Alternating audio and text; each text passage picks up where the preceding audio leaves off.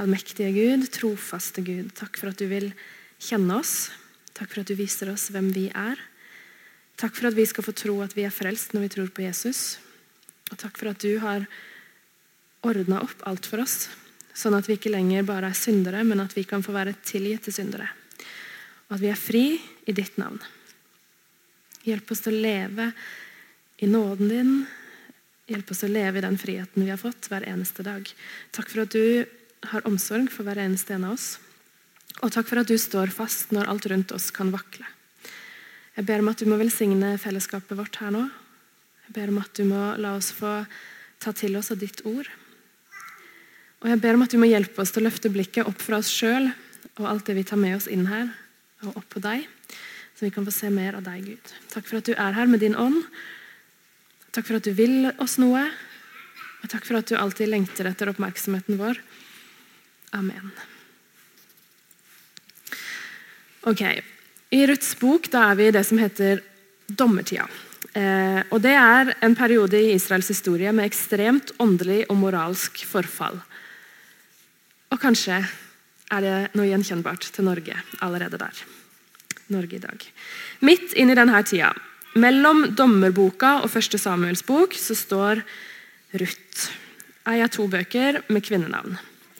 Den andre er Esters bok. Altså Ruths bok da er vi 1300 til 1000 før Kristus. Og Esters bok er sånn 480 før Kristus. Så vi er en god del år før Ester. Eh, men vi er altså langt, langt, langt tilbake i tid. Vi regner med at det er Samuel som er forfatter av Ruths bok. Eh, det betyr at den har blitt skrevet ned i ettertid. Men den er en viktig del av historien. Eh, sånne ting som vi lærer på søndagsskolen, er jo for at Ruth var oldemor til David. Eh, og Det betyr at Ruth er i den messianske slektslinja. Hun blir nevnt i samme setning som at Jesus blir født. Jesus kommer fra den slekta hvor Ruth er oldemor til David. ikke sant? Og den Ruth eh, At Ruth spiller den rollen, det viser oss viktige ting om Gud. Det skal vi komme tilbake til. Jeg har ikke tenkt å bruke så mye tid på å lese tekst i dag. Jeg har lyst til å oppfordre dere til å gå hjem og lese Ruths bok etterpå. Det tar 25 minutter hvis du setter deg ned og leser sakte fra start til slutt. 25 minutter, og Det er en spennende tekst. Men jeg har liksom ikke plukka ut én tekst i den, fordi jeg syns hele pakka i Ruths bok er så spennende. så jeg hadde lyst til å ta dere med litt inn i den. Men Derfor skal jeg også gi en slags um, oppsummering av boka underveis som jeg deler her. Det som skjer er at Vi blir satt inn i situasjonen i Ruths liv ved å høre om det som har skjedd. Um, og her Klarer dere å se kartet? Ser, dette, den svære blå flekken der er Dødehavet. Um, Nomi hun har reist fra Betlehem der oppe uh, med mann og to sønner. Nomi, altså. Det var hungersnød i Betlehem, så de rømte til naboene i øst. Og Hvis du er kjent med israelsk geografi, som du kan få en liten snikinnblikk her, så vet du at Betlehem ligger på vestsida av Dødehavet. Moab, dit de reiste, ligger på østsida. Mens de var der, i Moab, så dør først Noomis mann. og Så gifter sønnene seg med moabittiske damer, koner, og etter ti år så dør også begge sønnene. Så det er ikke litt vanskeligheter i Noomes liv. Først er det hungersnød, og så er det enkestand, og nå er det total krise. For det første så er hun jo enke, og så har ingen av svigerdøtrene heller fått barn. Og for det tredje så bor hun i et fremmed land langt borte fra alle sine. Hun er helt alene. Og nå har ryktet nådd henne om at hungersnøden hjemme i Betlehem den er over. Så hun har lyst til å dra hjem. Og Hun drar hjem og kaller seg bitter. Jeg er bitter, sier hun. Med fulle hender dro jeg bort, med tomme hender lar Herren meg vende tilbake. Det er stor sorg, det er ekte liv. Og På hjemveien så Eh, har svigerdøtrene gjort to ulike valg. Nomi sier dere trenger ikke å bli meg, jeg setter dere fri fra forpliktelsen til å følge meg. Og Hun som heter Orpa, hun snur og drar hjem til familien sin. Men Ruth hun vil ikke det. Hun vil gå dit Noomi går. Og Det er et merkelig valg. Og Det er et sterkt vitnesbyrd fra en moabit som ikke trodde på Israels gud. Hun sier, 'Din Gud er min Gud, Noomi. Jeg blir med deg uansett.' Hva er det hun har sett i svigermora si? Det er helt tydelig at hun spiller en viktig rolle i Ruths liv. Og Ruth blir med Noomi. Hun velger den ukjente framtida. De er to enker, som betyr at de var kvinner uten beskyttelse, uten penger. Og så kommer de til Betlehem. Og til tross for at Noomi er bitter, så er hun handlekraftig. Hun er ikke bitter og tafatt. Hun gjør noe selv om hun er bitter. Hun kjenner reglene i samfunnet, hun vet hva som må til. Hun vet at Ruth må gifte seg med en slektning av Nomis avdøde mann. Det kalles en løsningsmann. Det fins et håp om å bli forsørga. Nomi hun har tro på han som heter Boas. Eh, hun sender Ruth til ham, og Ruth går i tro. Hun gjør seg sjøl sårbar. Hun kunne blitt hengt ut som ei hore. Hun går til Boas og sier, 'Vil du gifte deg med meg?' 'Vil du redde meg?' Og Boas han er en ryddig mann. Eh, det fins en i arverekka foran han. Eh, så han tar det opp, spør vil du kjøpe jorda til Noomi, sin avdøde mann. Og han som han er først interessert, men så skjønner han at det innebærer at han må gifte seg med Ruth. For hun følger liksom med på pakka med eiendeler. Så denne løsningsmannen sier nei takk, og dermed står Boas fri til å si ja. Så Han kjøper jorda, han gifter seg med Ruth. Og Ruth får en sønn som heter Obed, som blir far til Isai, som blir far til David. Og så er vi i gang på vei mot Jesus. Og Når vi skal oppsummere en sånn historie, da, dette var Ruths bok i veldig korte trekk, så er det litt sånn klassisk. Først så er det vanskelig, eh, og så blir det rørende. Og så er det livsnært og ekte, og så går det heldigvis bra til slutt. Jeg tror man kunne laga en romantisk komedie om Ruths bok. Eh, Svigerinna mi gikk på bibelskole i USA. Og Der drev eh, jentene og tulla med 'Who's your Boaz?' Som i liksom, hvem er den perfekte mannen? Eh, hvem er det du leter etter som skal være den perfekte mannen? Og Det kan være lett å fokusere på sånne sider i en sånn her historie. Men eh, for Boaz han, ja, han setter lista bra høyt for hva som er en god mann. Mye å strekke seg etter. Men jeg tror at Ruths bok har mye mer å lære oss enn hva som er standarden for en bra mann. Og Det første jeg har lyst til å trekke fram, det er gudsbildet. Hvordan vi forstår Gud, eh, hvordan vi beskriver Han, det gir konsekvenser, får konsekvenser for hvordan vi forholder oss til Han. Og Jeg tror at vi alltid har behov for å tenke litt gjennom og ha et bevisst forhold til det gudsbildet vårt. Jeg har lyst til å oppfordre dere til å, til å være bevisst på det. Ta det spørsmålet med deg når du leser Bibelen. Hva lærer dette meg om Gud, og hvilke konsekvenser får det i livet mitt? Og så tror jeg at Vi trenger å være åpne for korrigeringer. For jeg tror faktisk ikke at vi klarer å forstå alle sider av Gud. Eh, hvis vi for ikke tar inn over oss sannheten Bibelen lærer oss om at vi er syndere, ikke sånn på overflata vi gjør dumme ting, men at det virkelig sitter så dypt i oss, det er det som kjennetegner alle oss mennesker. At vi er grunnleggende ødelagt av synda. Da klarer vi heller ikke å forstå hvorfor vi trenger Jesus. Eller vi klarer ikke å forstå hva det innebærer at Gud er hellig og ikke tåler synd. Og Guds kjærlighet får jo en helt enorm dybde og betydning når vi forstår hva som er utgangspunktet. At vi er syndere som trenger redning. Jo bedre kjent vi blir med Bibelen, med Gud, så får vi sannheter å bygge livet vårt på. Og det gir oss et sunnere og sannere gudsbilde. Så det å leve tett på Gud i Bibelen på den måten, det er helt avgjørende for livet som kristen. Og inn i det så tror jeg at Ruth har noe å lære oss. Og Da kan vi begynne med eh, Noomi. Hun har blitt hardt ramma av livets brutale virkelighet. Og Det syns jeg er befriende med Bibelen generelt, og spesielt i Ruths bok. At det er liksom virkeligheten vi møter. Det er ikke noe sånn glansbilde, men det er livet sånn som det er. I denne boka er det alt. Det er hunger, det er flukt, det er død, det er sorg, det er vitnesbyrd om tro, det er nærhet mennesker imellom. Det er ventetid. Hvor mye ventetid kan vi ikke oppleve gjennom livet? Det er spenning, det er utålmodighet, det er håpløshet, det er trøst, det er kjærlighet, det er glede, det er fattigdom og rikdom. Det er jo livet, sånn som vi kjenner det. Og midt oppi det her, i livet, sånn som vi lever livet, så lever Noomi sitt liv. Jeg er bitter, sier hun. Men i neste åndedrag så er hun handlekraftig. Til og med dristig. Hun sier Boas har vært god mot deg, Ruth, når du har sanka korn på åkeren hans. Gå dit og legg deg hos han. Det er en ganske spesiell ting å be Ruth om. Men Nomi vet at de trenger hjelp, de trenger en redning, de trenger sikkerhet og trygghet. Og tross bitterheten og ærligheten om at det må føles helt forferdelig å miste mann og barn og nå være fattig enke, tross det så stoler hun på Gud. Hun handler i tro på at Gud er den han sier at han er. Og det utfordrer meg. Og det er trosstyrkende for meg å lese det. Nomi hun lærer meg viktige ting om det å sette vår tillit til Gud når vi satser livet på Han. Så er det rom for de ekte følelsene. Det er alltid håp midt i vanskelige ting. Og Det er det mange som kan dele sterke vitnesbyrd om, og her er Nomi en av de.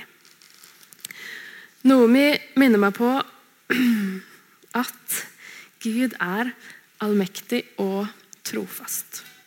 Til tross for at omstendigheter i livet kan skifte, så er Gud større enn alt som kan vakle. Gud står fast med åpne armer og sier 'kom til meg'. Klamre deg til meg når alt vakler. Ikke la deg rive med av bitterhet, Nomi, men stol på meg.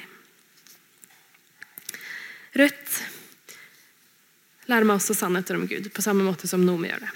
Hun er jo da en moabit som ikke bare kom fra et nabofolk.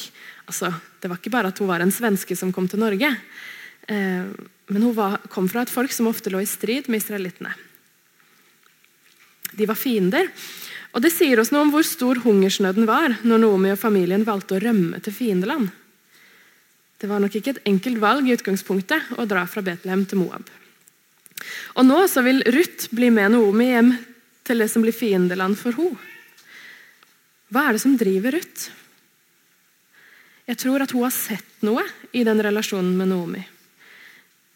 Hun har levd tett på svigermora, ei jødisk dame, i ti år og blitt kjent med Gud gjennom å se hvordan svigermora levde livet sitt.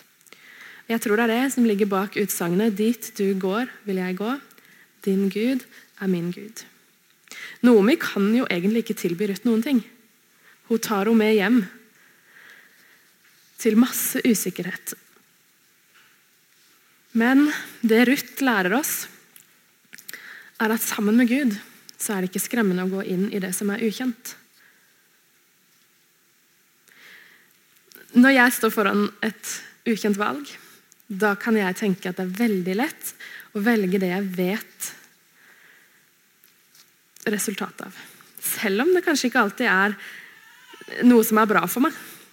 Men det jeg vet hva er, er lettere å forholde seg til enn det skremmende ukjente.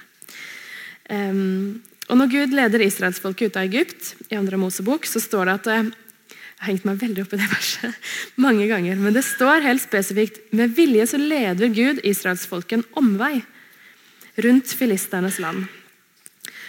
Og Det står at eh, han var redd for at de ikke skulle være fryktløse og troende, sånn som Ruth. Han var redd for at de kunne bli skremt av krigen og motstanden de møtte i filisternes land. Og så ville de velge å snu og gå tilbake til fangenskapet i Egypt. fordi da visste de i hvert fall hva de fikk. Gud kjenner oss mennesker. Han visste at israelsfolket trengte den omveien for å ikke møte på den utryggheten og det skremmende ukjente. Men Ruth hun går rett inn i det. Og Hun lærer meg å være fryktløs. Hun lærer meg å stole på Gud. Eh, og så ser vi jo at ja, Det Ruth hadde i vente, det var uvisshet. Men det er ei bok med en lykkelig slutt. Det var Guds velsignelse og kjærlighet og rikdom og trygghet som var i vente for henne i fiendelandet. Og Her har jeg lyst til å bare stoppe litt. Jeg har skrevet meg, men jeg burde kanskje skrevet deg, så du følte deg litt mer truffet. Står du foran noe som er ukjent? Opplever du at Gud kaller deg til noe? Uansett hva vi står i, så er vår Gud trofast. Han er allmektig, og han går sammen med oss i det som for oss kan være en ukjent vei gjennom livet. Gud han er i framtida. Han veit alt vi skal møte. Han veit hva han har lyst til å lede oss utenom, og han veit hva han har lyst til å lede oss igjennom. Og Det er en utfordring til oss, å leve det livet i den tilliten. Å legge livet i Guds hender og si 'led meg sånn som du vil det'.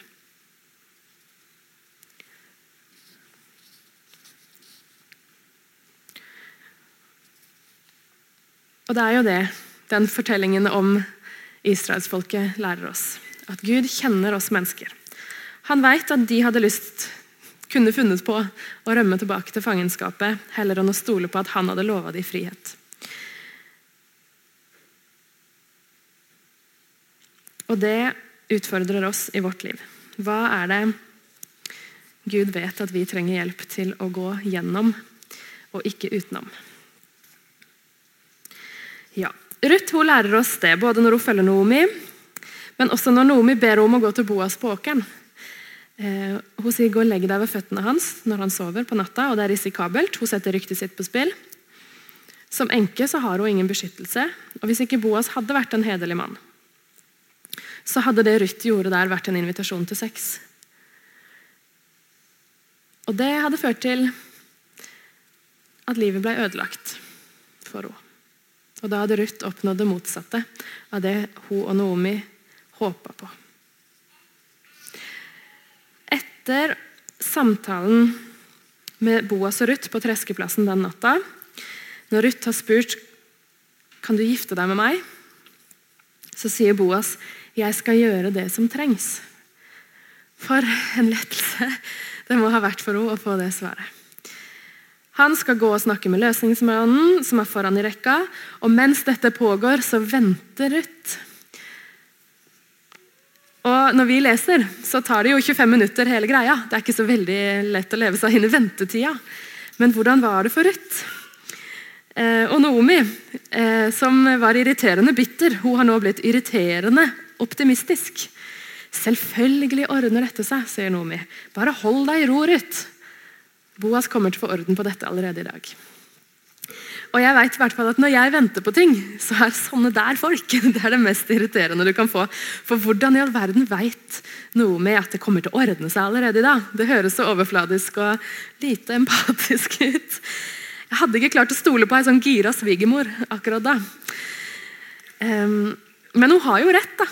Det er bare noen timer, og så er Boas der og sier at han har fiksa alt sammen. Og Det er formelt vedtatt med nok vitner. Boas tar ansvaret. Men hvordan var de timene for Ruth? Den ventetida, den uvissheten, alle disse forsøkene på å overbevise seg sjøl om at det kommer til å gå bra. Selv om hun ikke veit. Hun må bare tro og stole på at dette går bra. Og så kjenner jeg meg igjen i akkurat det der. At Når jeg møter motstand, sånn som Noomi gjorde, med hungersnød og død og sykdom Når vi står i sånne vakuum av ventetid i livet, som vi kan gjøre på ulike måter, så kan vi føle oss helt maktesløse, og det kan være veldig vanskelig å tro. Og hvile i det som er uvissheten. Og Da kan løgntankene snike seg inn. Og så kan jeg i hvert fall bli litt sånn at jeg skal hjelpe Gud. Jeg tenker at Han bryr seg ikke, så jeg må ta grep sjøl. Og jeg må sørge for at dette går bra, og så kan jeg bli utålmodig og så kan jeg prøve å ta kontroll. Og så kan jeg bruke veldig mye krefter på å bekymre meg, fordi det å bekymre seg er jo en slags måte å føle at man har litt kontroll på og forandre ting. Men problemet med dette, med å ta grep, og med å planlegge og med å organisere, det er jo ikke planen i seg sjøl, men det er den som står bak planen. For jeg kommer ikke med verdens beste planer. Jeg kan tenke veldig kortsiktig, og jeg ser ikke det store bildet. Så hvis, eller jeg tror vi må si når, eh, for jeg tror det gjelder oss alle på ulike tidspunkt i livet, når vi tror at Gud ikke bryr seg når vi kan oppleve oss forlatt og i det her mørket og ventetida helt alene, da skal vi få klamre oss til det løftet vi blir minnet på i Ruths bok. Ingenting er for mye eller for skummelt for vår Gud. Gud forlater oss ikke. Gud har kommet nær gjennom Jesus, og det står fast. Og så kan vi være i forskjellige sesonger i livet. Og hvor tilstedeværende Gud oppleves, det tror jeg kan variere veldig for oss. I de gode periodene, da må vi fylle på. Vi må fylle på lageret, vi må lese Bibelen, vi må bygge det her gode lageret. Og hvile i at Gud er nær uansett hvordan vi føler oss. Sånn at når han føles fjern, eller når vi møter motgang, så har vi det trygge fundamentet å hente næring fra. Da skal sannhetene få fylle oss, fellesskapet få bære oss. Og så handler det ikke om at det er jeg som skal klamre meg til Gud, men det handler om at Gud holder fast i meg. Det er Gud som er Gud. Så vi kan ta et sånt skritt tilbake da, fra alle de tinga vi prøver å kontrollere oss ut av her i livet. Og For deg som elsker å organisere og planlegge og veldig gjerne vil ha kontroll på alt som skal skje, så kan det være veldig vanskelig når jeg ikke har en sånn langtidsplan å styre etter. Men jeg sier det allikevel. I stedet for å planlegge og tro så mye på vår egen handlekraft og vår egen bedømmelse av ting, så kan vi få hvile i løftet om at vi lever sammen med Jesus. Og Vi tror på en Gud som er allmektig, og hans frihet er allerede vår. Ser dere at det er veldig mange forskjellige farger i dette bildet? Når jeg forberedte denne talen, så kom jeg over en beskrivelse av Guds plan for livet vårt som et sånt broderi som man ser fra baksida. Vi kan se, Hvis dette hadde vært et broderi da, med veldig mange tynne, fine tråder, så henger det mange løse tråder ned fra baksida. Det kan se rotete ut og uforståelig, men når vi ser det ovenfra, når vi zoomer ut og ser helheten, da ser vi det vakre bildet. Som er Guds historie som er sånn for en hensikt. Og Guds historie skriver han i våre liv, men vi er også en del av den store Guds historie. Og Det er ikke så lett for oss å se det store bildet. Og Gud han har lyst til å bruke hver eneste en av oss til å skrive sin historie i verden. Og Ruth sin historie den ser helt sprø ut fra baksida. En moabit, en utlending, en fiende, barnløs, uten status. Fattig, kvinne, og så blir hun stammor til David og til Jesus. Det fins ikke uviktige mennesker i Guds plan. Jeg husker at eh, jeg hørte om Ruth når jeg var tenåring, og så tenkte jeg hva er det, som, hva er det Gud vil bruke meg til? Og Så minner Ruth meg på at jeg trenger kanskje ikke vite svaret på det. Jeg kan bare stole på at han vil bruke meg til noe. Og det er han som ser helheten som vi ikke ser. Og det kan være frustrerende, men det kan òg være befriende. For vi trenger ikke å jage etter å forstå det.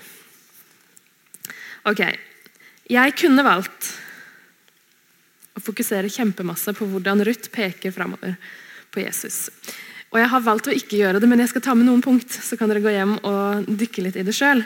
Fordi det er veldig fascinerende at ei bok i Det gamle testamentet så tydelig peker på Jesus. Fire korte punkt. Eh, det begynner i byen Betlehem. Betlehem det betyr brødhuset, sånn rent oversatt. Eh, og brødhuset har blitt tomt for brød. For det er hungersnød. Og Så leser vi at Noomi har lyst til å vende tilbake, og da står det sitat, Herren hadde sett til folket og gitt dem brød.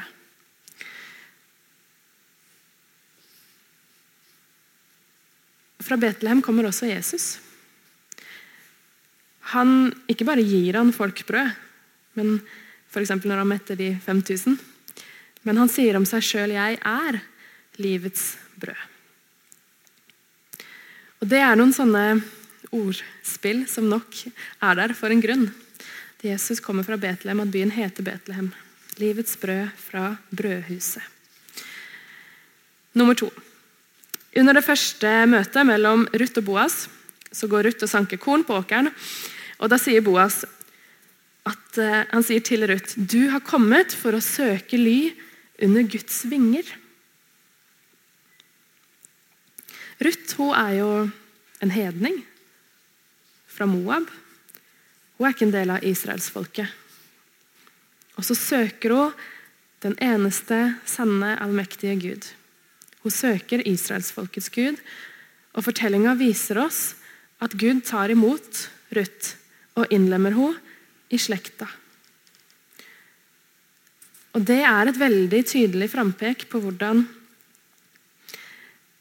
Bibelen viser oss at alle mennesker skal innlemmes der. Vi får også søke ly under Guds vinger, vi som ikke er israelsfolket. Så det er noe misjonalt over at Ruth kommer til Gud på den måten. Og så er det noe veldig fint at hun er i slektslinja da, til Jesus, som viser at Jesus også har litt av moabittene i seg. Han har jo ikke det, da, fordi han kommer fra Gud og Maria, men dere skjønner poenget. i familien. Kapittel eh, tre, som er det tredje punktet, det begynner med hvile. Noomi hun ønsker at Ruth skal ha det godt og finne hvile. Og slutter med kapittel 3 slutter med Boas vil ikke hvile før han har fått orden i denne saken. Det ordet går igjen her. Løsningsmannen han hviler ikke før han har gitt den han skal redde, hvile. Ingen pust i bakken før oppdraget er utført. Og vi forsøker ly under Guds vinger. Fordi han har løst oss, satt oss fri. Han er vår løsningsmann. Og Gud han vet at det vi lengter etter og det vi trenger, er hvile, fred. Og Han slår seg ikke til ro før han har ordna det opp for oss. Det fjerde punktet, der har jeg en liten notatrekke til dere. Boas som løsningsmann peker på Jesus. Veldig, veldig, veldig konkret. Det er noen krav til en løsningsmann. For det første så må han være en slektning av den som han skal løse. Han er da slektning til Elimelek, som var mannen til Noomi. Så må han være i stand, han må kunne løse. Han må være i stand til å betale den prisen det koster. Og så må han være villig til det, for det er ingen som kan kreve at han skal gjøre det. Og så må han sjøl være fri og uten gjeld. Det er de fire krava som var til en løsningsmann. Og jeg vet ikke om dere ser Jesus i dette. Min status i møte med Gud er at jeg er en synder, ødelagt av syndefallet. Det er felles for oss alle mennesker. Vi trenger redning for å kunne ha en relasjon med Gud. Og Da er det ganske sterkt å se hvordan Jesus beskrives som en løsningsmann. Med dette bildet fra den tidas samfunn. Er Jesus vår slektning? Jesus kalles vår bror. Kan Vil Jesus løse oss? Ja. Det er det han kommer for å gjøre. Kan han løse oss? Ja. Er han gjeldfri? Er han syndfri? Ja. Han er den eneste som både er slektningen vår, som kan løse oss, som vil løse oss, og som er gjeldfri. Boas er et veldig tydelig frampek på Jesus.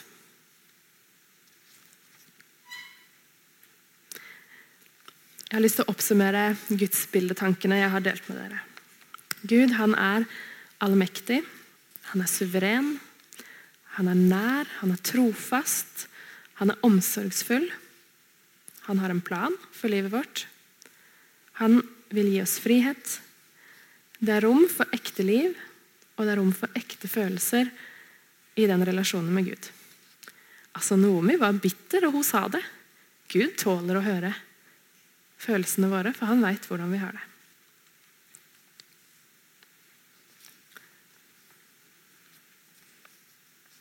Gud står fast, og han vil frelse oss. Og helt til slutt ja, To ting til slutt. Dette lærer Ruth meg. Hun lærer meg tillit til å tro på en Gud som er større enn jeg forstår, som ser utover de vonde erfaringene jeg kan bære med, livet, med meg i livet. Det er håp for framtida. Det er en Gud som vi kan ha tillit til. Det er frihet. Gud setter oss fri fra verdens sikkerhet og komfort. Ehm, fordi det er en løgn. Men Gud gir oss frihet og ekte sikkerhet. Ruth gir meg mot til å gå ut i ukjente ting, fordi jeg vet at jeg ikke er alene. Og det siste punktet er den radikale forpliktelsen i de relasjonene som Gud peker ut for oss. Og her ligger det en utfordring til oss. Hvem skal du prioritere å bruke tid på? Å prioritere betyr å prioritere noe bort for å prioritere noe inn i livet. Hvordan kan du bli en Noomi for en Ruth? Hvordan kan mennesker rundt deg, tett på deg, si 'din Gud er min Gud'? Fordi du har levd livet ditt åpent og nært i en vedvarende relasjon.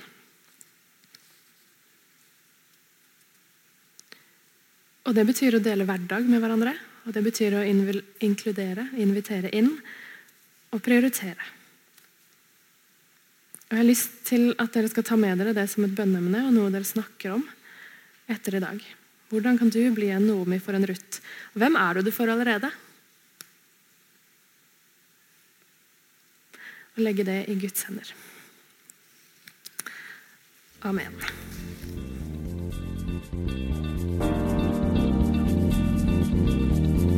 thank